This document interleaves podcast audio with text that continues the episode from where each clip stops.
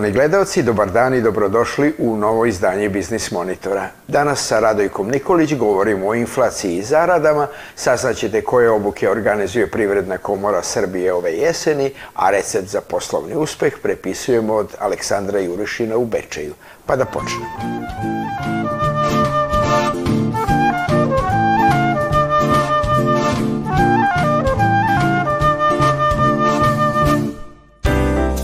Uprkos pesimističnim prognozama da će snažan zamah tražnje za uslugama domaće informaciono-tehnološke industrije vremenom usporiti zbog eventualnog nedostatka stručnjaka na relativno malom tržištu, ono je i ove godine nastavilo rast. Velike strane IT firme nastavljaju da otvaraju svoja predstavništa u Srbiji, dok istovremeno mnogi atraktivni startupi i dalje niču u Beogradu, Novom Sadu, Kragujevcu, Subotici i svojim uspehom skreću pažnju javnosti, ali i bogatih investitora. Posle sjajnih rezultata izvoza domaćih IT usluga u prvom kvartalu ove godine, čak 44% većem na godišnjem nivou, procenjuje se da bi taj izvoz do kraja ove godine mogao da dosegne čitave 4 milijarde evra. Najuspešnijih 100 IT preduzeća u Srbiji prošle godine zapošljavalo je bezmalo 20.000 ljudi, a prosečna dodata vrednost po zaposlenom iznosila je oko 2 miliona dinara – i to je u stvari najznačajniji pokazatelj njihove uspešnosti, po kome se ključno razlikuju od predstavnika drugih privrednih grana.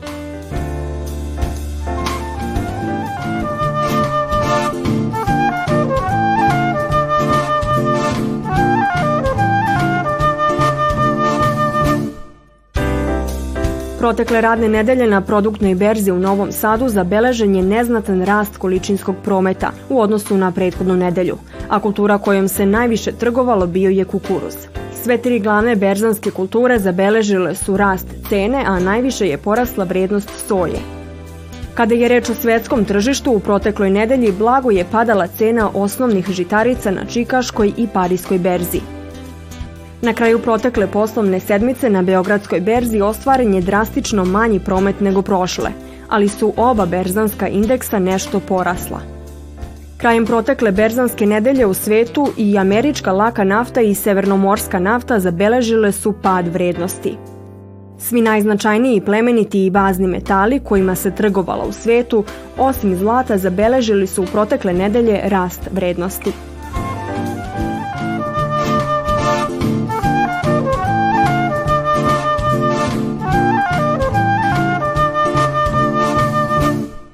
Nastavljamo temu o proceni rizika kod različitih obveznika u pogledu zakona o sprečavanju pranja novca. Nadalje, donose odluka o proceni rizika. E, isto tako, Uprava za sprečavanje pranja novca donosi određene e, procene e, određeni, na određeni način e, da proveri i proceni rizik našeg klijenta. Pa, na primjer, ako je u pitanju sada ako je računovodstvena agencija i, i vodi poslovne knjige nekoj agenciji za nekretnine, bez obzira što je agencija za nekretnine obveznik po zakonu, on treba da kontroliše da li se e, ta agencija radi onako kako treba, da li se gotovinski plaća i koji su, znači da svakog tog e, provučemo kroz te procene rizika. I na kraju imamo odluku o proceni rizika same samog obveznika. Znači, na bazi klijenata koje vodi, koje klijente vodi, mi e, donosimo procenu rizika same agencije, na primjer računosene agencije ili agencije za nekretnine i uzimajući u obzir i nacionalnu procenu rizika koja je, strp, e, koja je stavila računostvene agencije u srednje visok rizik, agencije za nekretnine u srednji rizik, e, dalje e, investitore je stavila u visok rizik i tako dalje. Znači, nacionalna procena daje i na taj način mi već imamo neko predubeđenje i dobijamo neke stvari da e, tom procenom rizika, tako da računostvena agencija obično i kad se sprovede ta procena rizika, bude srednje ili srednje visoko e, znači opasnost je dosta e, velika, velika, opasnost je velika zato što su klijenti takvi kakve imamo. Međutim, ima agencije koje su niskog rizika jer vode piljarnice ili male prodavnice koje imaju male promete.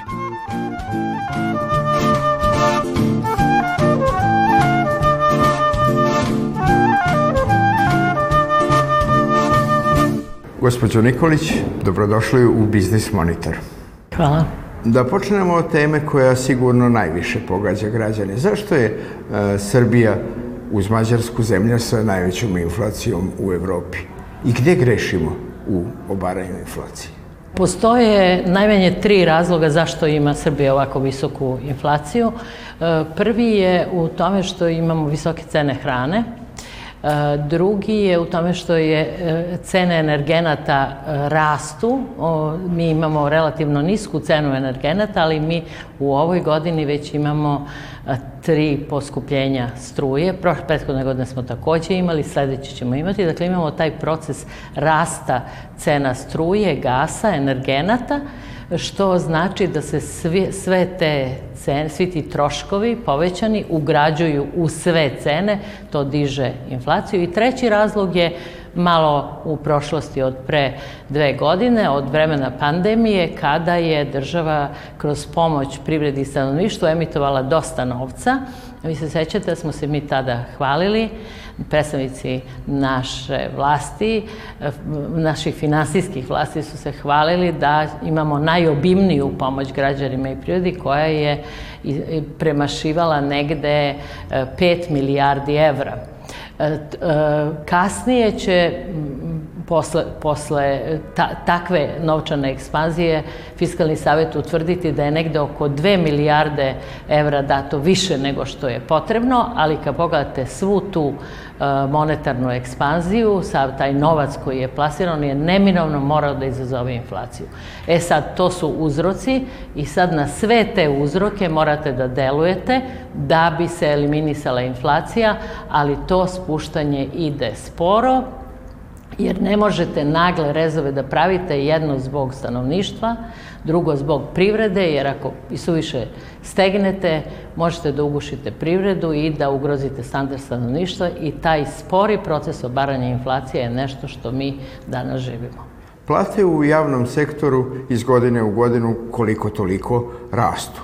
A zašto ih plate u privatnom sektoru ne mogu sustići? Plate u javnom sektoru rastu zato što ih daje država. Država ima mogućnosti da daje iz budžeta, da daje iz fondova, a može i da se zadužuje.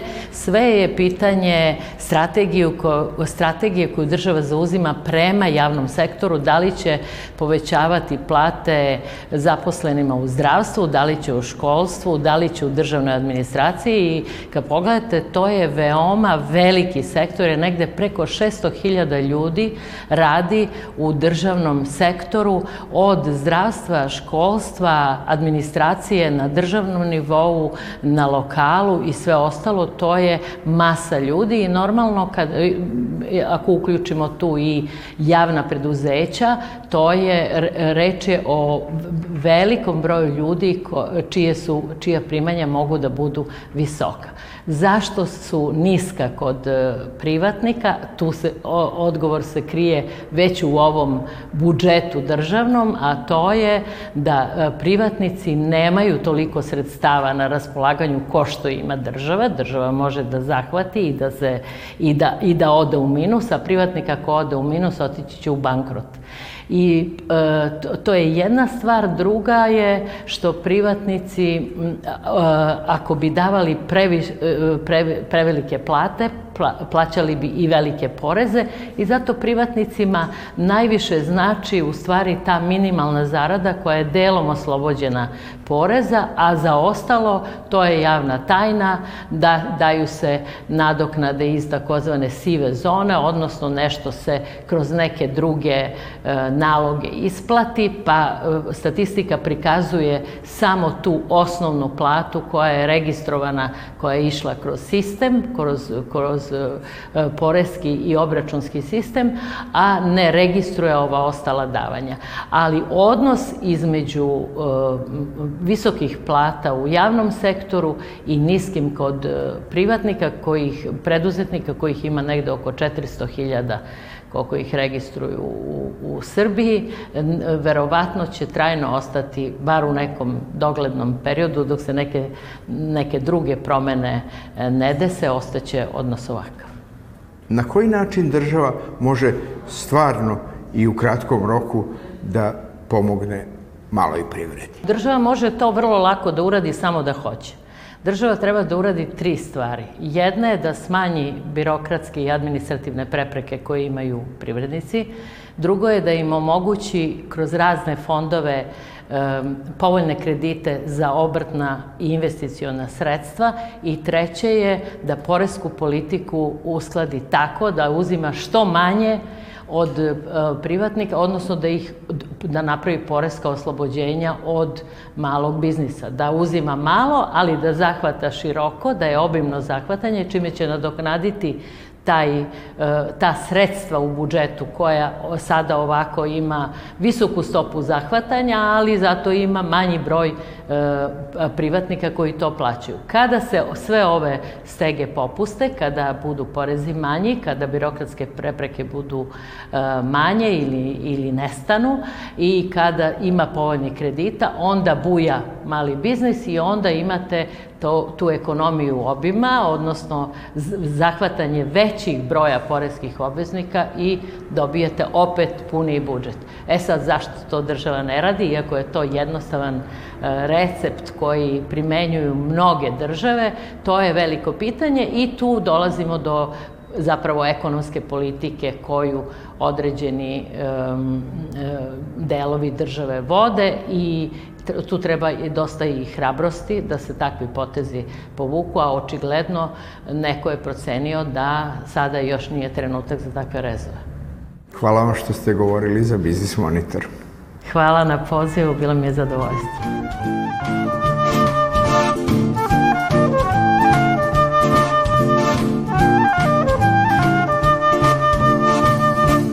Centar za edukaciju Privredne komore Srbije organizuje 2. novembra webinar kako organizovati pripremu i godišnji popis imovine, obaveze sa stanjem na dan 31. decembar 2023. godine. Na kraju svake poslovne godine pravna lica i preduzetnici imaju obavezu da urade redovni godišnji popis imovine i obaveza. Popis je jedan od obaveznih postupaka u okviru pripreme za sastavljanje godišnjeg finansijskog izveštaja.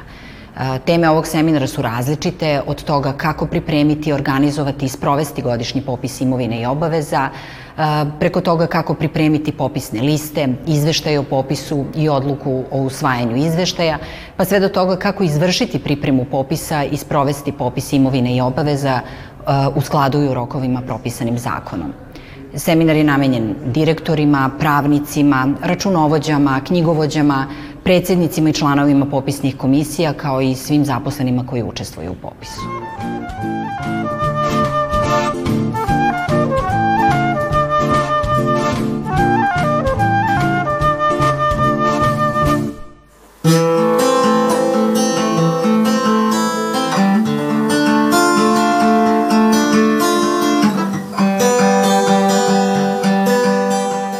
Gitaru i još više od 200 sličnih napravio je naš domaćin Aleksandar Jurišin iz Bečeja u proteklih deseta godina.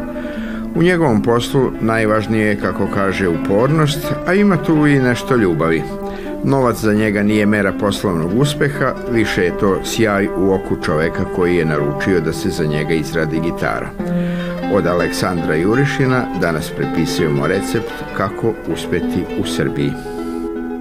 Imam do sad negde oko 200, preko 200 gitara napravljenih. Što se tiče zadovoljstva mušterija, ja se nadam da su 100% zadovoljni, ali bi bilo možda previše očekivati to. Uvek postoji možda 1-2% koji možda nekad nisu bili zadovoljni s nekim detaljom ili, no, najvažnije mi je da, su, da je većina zadovoljna i da je to veća većina. Ja se bavim uh, ručno, proizvodnjom ručno pravljenih akustičnih gitara i to mi je onako, da kažem, hobi koji nadam se da će jednog dana postati ovaj, jel, delatnost preduzetnička koja će moći da, da živimo i da, da, jel, da, kako se zove, zarađujemo i da od toga plaćamo račune i sve ostale dažbine. Sve ovo naravno nije od juče. Kada i kako je uopšte sve počelo i kako se to stiže od e, samog početka pa do ovakve e, radionice na dobrom glasu? I da li uvek sve išlo lepo i glatko? Ja sam imao građevinsku firmu preduzetničku, ovaj, s time sam se bavio, toga smo jel, živeli. I sticam okolnosti zbog zdravstvenih razloga, zbog leđa, tako, tako dalje, sam ovaj, bio primoran da, da promenim posao. A umeđu vremenu sam, dok sam se bavio tim građevinskim poslom, e, sam uh, nekako poželeo da napravim gitaru, da, da, jel, da je sviram tu gitaru koju ću ja napraviti. I tako je to krenulo, od, od šperploče, pa uh, od izbora materijala, naravno uz pomoć interneta, edukacije, tako dalje. I ja sam tu gitaru prvo i napravio. Ta gitara ni na što sad ne liči, jel? Ovaj, ali je meni tad bila nekako najdraža gitara. To je bilo pre nekih, pa mogu reći slobodno, pre nekih više od 10, 10-11 godina. I tada je to krenulo kao hobi jedna. Onda sam posle te prve gitare od šperplače shvatio da se to u stvari, u stvari edukacijom daljom preko interneta, shvatio da se one rade od drveta, od punog drveta. I onda naravno sam tražio potragu drveta, pa koje drvo je dobro, pa od čega da napravim. I tako sam napravio prvu gitaru od drveta. Onda je krenula druga, od drugu vrste drveta. I onda samim tim su poznanici, prijatelji rekli, zašto ne bi to probao da, da, da prodam, da unovčim taj svoj rad kad već trošim to vreme. I tako i bilo. Sam ovaj, postavio negde oglas, ne mogu sad da se setim gde ovaj, to je bilo i tako je to polako krenulo iz, iz ovaj, nekog hobija, da kažem, povremenog, je to u stvari preraslo u neko puno radno vreme, mislim, ako mogu tako da nazovem hobi, jel? I onda, kažem, opet sticam okolnosti, morao sam da prestanem taj posao građevinski zbog leđa i tako dalje. I onda, eto, tako je to počelo nekako. Kakav to čovek, gledajući iz vašeg iskustva, treba da bude ono što se kaže pravi preduzetnik? Treba, kažu, da ima ideju, da bude uporan, vredan, uh, hrabar, neko kaže lud, treba li da ima i sreću ili sve to zajedno. Kako je bilo u vašem slučaju? Ubeđen sam da je upornost jedna od onako naj, najvećih stvari koje mora čovjek da ima kad, kad bilo šta započinje. E, I dan danas dobijam pitanja ljudi, e, tipa ili mailom ili nekim porukama, e, hteli bi da počnu da se bave sa, sa proizvodnjom gitara, šta im je potrebno od alata? I onda im, ovaj, kratko jasno odgovorim, sav alat ovoga sveta vam je potreban ako niste dovoljno uporni. Ja kad sam počinio da radim, ja sam imao jednu testeru, onu ubodnu električnu, imao sam turpiju, nisam ni sto imao na kome sam radio. Tako sam prvu gitaru napravio. Hoću da kažem sa upornošću, nije potrebno imati alat, e, ne znam, skup, ovakav, onakav. Znači, do, u proizvodnji akustičnih gitara se dosta alata e, se napravi da bi služio nečemu. Tako da, e, upornost je jedna od najvažnijih stvari koje, koje je ovaj, potrebno. Potrebno imati sreće, potrebno je ludosti svakako da u nekoj maloj dozi, ali upornost je jedna od najbitnijih.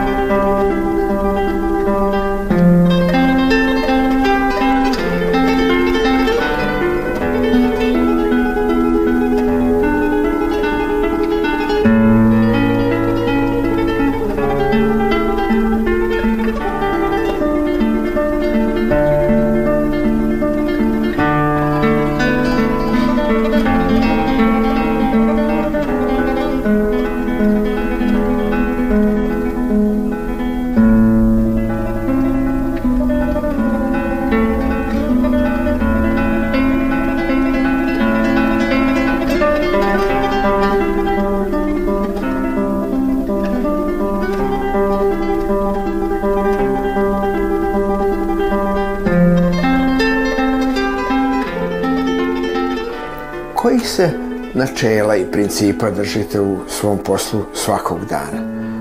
I koja bi to bila formula za uspeh u poslu kojim se bavite? Posao e, mora da se uradi samo dobro. Ne postoji kompromisa. Znači, tako se držim i dan danas toga. Znači, od samog odabira drveta ovaj, s čim radi, mora da krenu samog starta, mora biti kvalitetno drvo mora biti, mora biti dobro, mora biti suvo, naravno, to po kvalitetno to se podrazumeva sve to je jako dobar početak. Ovo, e, I samim tim, ceo proces izrade gitare mora se obraćati na pažnju na sve sitne detalje, da se ne bi, da kažem, onako grubo rečeno pod navodnicom, kiksnulo, da ne bi, jer proizvodnja gitare uh, u većem, uh, kako da kažem, u većem slučaju se ne zna do kraja, dok se ne završi gitara, šta će biti od nje. Zna se u nekim određenim, ali ovaj, količinama, ali dok se ne završi, samo završetka mi ne znamo šta će izaći iz nje. Tako da se na sve mora obratiti pažnja da bi, da bi bili koliko toliko sigurni da ćemo napraviti pravu stvar. Šta je u vašem poslu najteže, a šta opet najlepše? Najteži moment u glavi mi je sam taj izbor drveta, jer, jer taj početak mi je jako bitan kakav će biti kraj. I to je neka najveća onako, da kažem, tenzija ovaj, da li će pogrešiti što sad uzimam ovo drvo da pravim ovu gitaru ili, ili, ili tako da, to je neki najteži moment. I već kad krenem da radim, ja onda već znam da sam donao pravu odluku i znam da će to biti dobra gitara. Jedan od tih najlepših momenta je onaj kad dođe naručioc po gitaru i kad je ovaj, uzme i kad vidim njegov osmeh na licu. Dosta slučajeva je bilo, dođu onako, kako da kažem, eh, eh, rezervisani i skeptični prema tome, Jer opet su svi navikli da kupuju e, gitaru u prodavnicama gde jel, postoje izložene gitare. A samim naručivanjem gitare oni ne znaju šta će dobiti ovaj i kakav će zvuk dobiti. I onda vidim tu neku dozu ovaj, nepoverenja. Ne nepoverenja, nego nekako nisu sigurni. Ali onda kad vidim taj njihov osmeh ovaj, na licu, kada oni zasviraju prvi put, i to je onako ta neka satisfakcija, neko zadovoljstvo ovaj, me tera i gura dalje da, ovaj, da, da, da se bavim s tim. Imate li pomoći u ovom vašem poslu ili se vaša supruga bavi sasvim nečim drugim? Pa imam, da, pomoć, ovaj, jedna od najvećih pomoći je, ovaj, pored supruge, naravno, sin od 9 godina i on dođe ponekad malo pomaže radionicu i supruga mi pomaže, naravno. Doduše, ona je pored mene, pošto, ovaj, jer nije mogla da mi izvuče iz radionice, pošto sam skoro po ceo dan unutra, onda ona, naravno, morala se priključi meni da, i ona počne nešto da radi. Tako da ona je počela da radi ovaj, drvene albume ovaj, za, za fotografije i čestitke od drveta. Eto, tako da pomogne ona tu ovaj, oko, oko gitara, oko drveta, oko tako šta Bog treba, ona pomogne. Sećate li se koju ste gitaru nekako najlakše napravili? A opet s druge strane, sa kojom ste se najviše namučili? A najlakše sam nedavno napravio jednu gitaru To sam uspeo gitaru da napravim za, za, za eto, cijelih sedam dana, da kažemo, radnih. Odnosno, u stvari, za sedmicu jednu sam napravio. Nekako se potrefilo da sam imao nekako ta drva spremna i onda je tako krenulo i sve išlo nekako jako lepim svojim tokom. I to mi je neki, da kažemo, rekord da sam je ovaj, napravio tako kratko vreme. Inače mi treba, ovaj, zavisi puno od ukrasa, zavisi puno od tako tih nekih sitnih stvari, detalja ovaj, koliko mi vremenski treba da je napravim. Ali ovo je bila jednostavna gitara, to sam onako bio inspirisan ovaj, uh, sa jednom gitarom koju sam video na internetu i onda sam želeo da je napravim i eto, uspeo sam za 7 dana da napravim, što onako bilo je, i meni je bilo neko neobično, ali eto, prilično veliku muku imam sa električnim gitarama. Obično bi to trebalo da bude obrnuto, ovaj, kažu da električne gitare, misli kažu, i jeste prilično lako napraviti, u teoriji jeste tako, ali meni u praksi ja sam više onako u toj, da kažemo, žargonski priči, ovaj, u priči sa, sa akustičnim gitarama i kad treba pre električnu gitaru, to mi je nepoznanica. Ovaj, I onda se onako moram jako s velikom preznošću da, da pristupam tom poslu. I na kraju biznis monitora mi baš uvek pitamo šta je za vas poslovni uspeh, a šta lična sreća. Definicija poslovnog uspeha, e, uopšte tu ne smatram materijalni uspeh. Ja to tako gledam. Znači, kao što sam malo pre rekao, znači taj osmeh zadovoljnog ovaj, e, e, vlasnika moje gitare je moj poslovni uspeh. Šta je za mene sreća? Pa to što mi provodimo to naše vreme zajedno i što smo e, jako najviše slobodnog vremena mi provedemo zajedno, supruga, sin i ja. Tako da to je moja nekako sreća. To je sve što smo vam pripremili za ovaj put. Sa novim pričama iz sveta preduzetništva vidimo se na istom mestu za sedam dana. A dotle pišite nam i sugerišite koje teme da istražimo za vas. Doviđenja.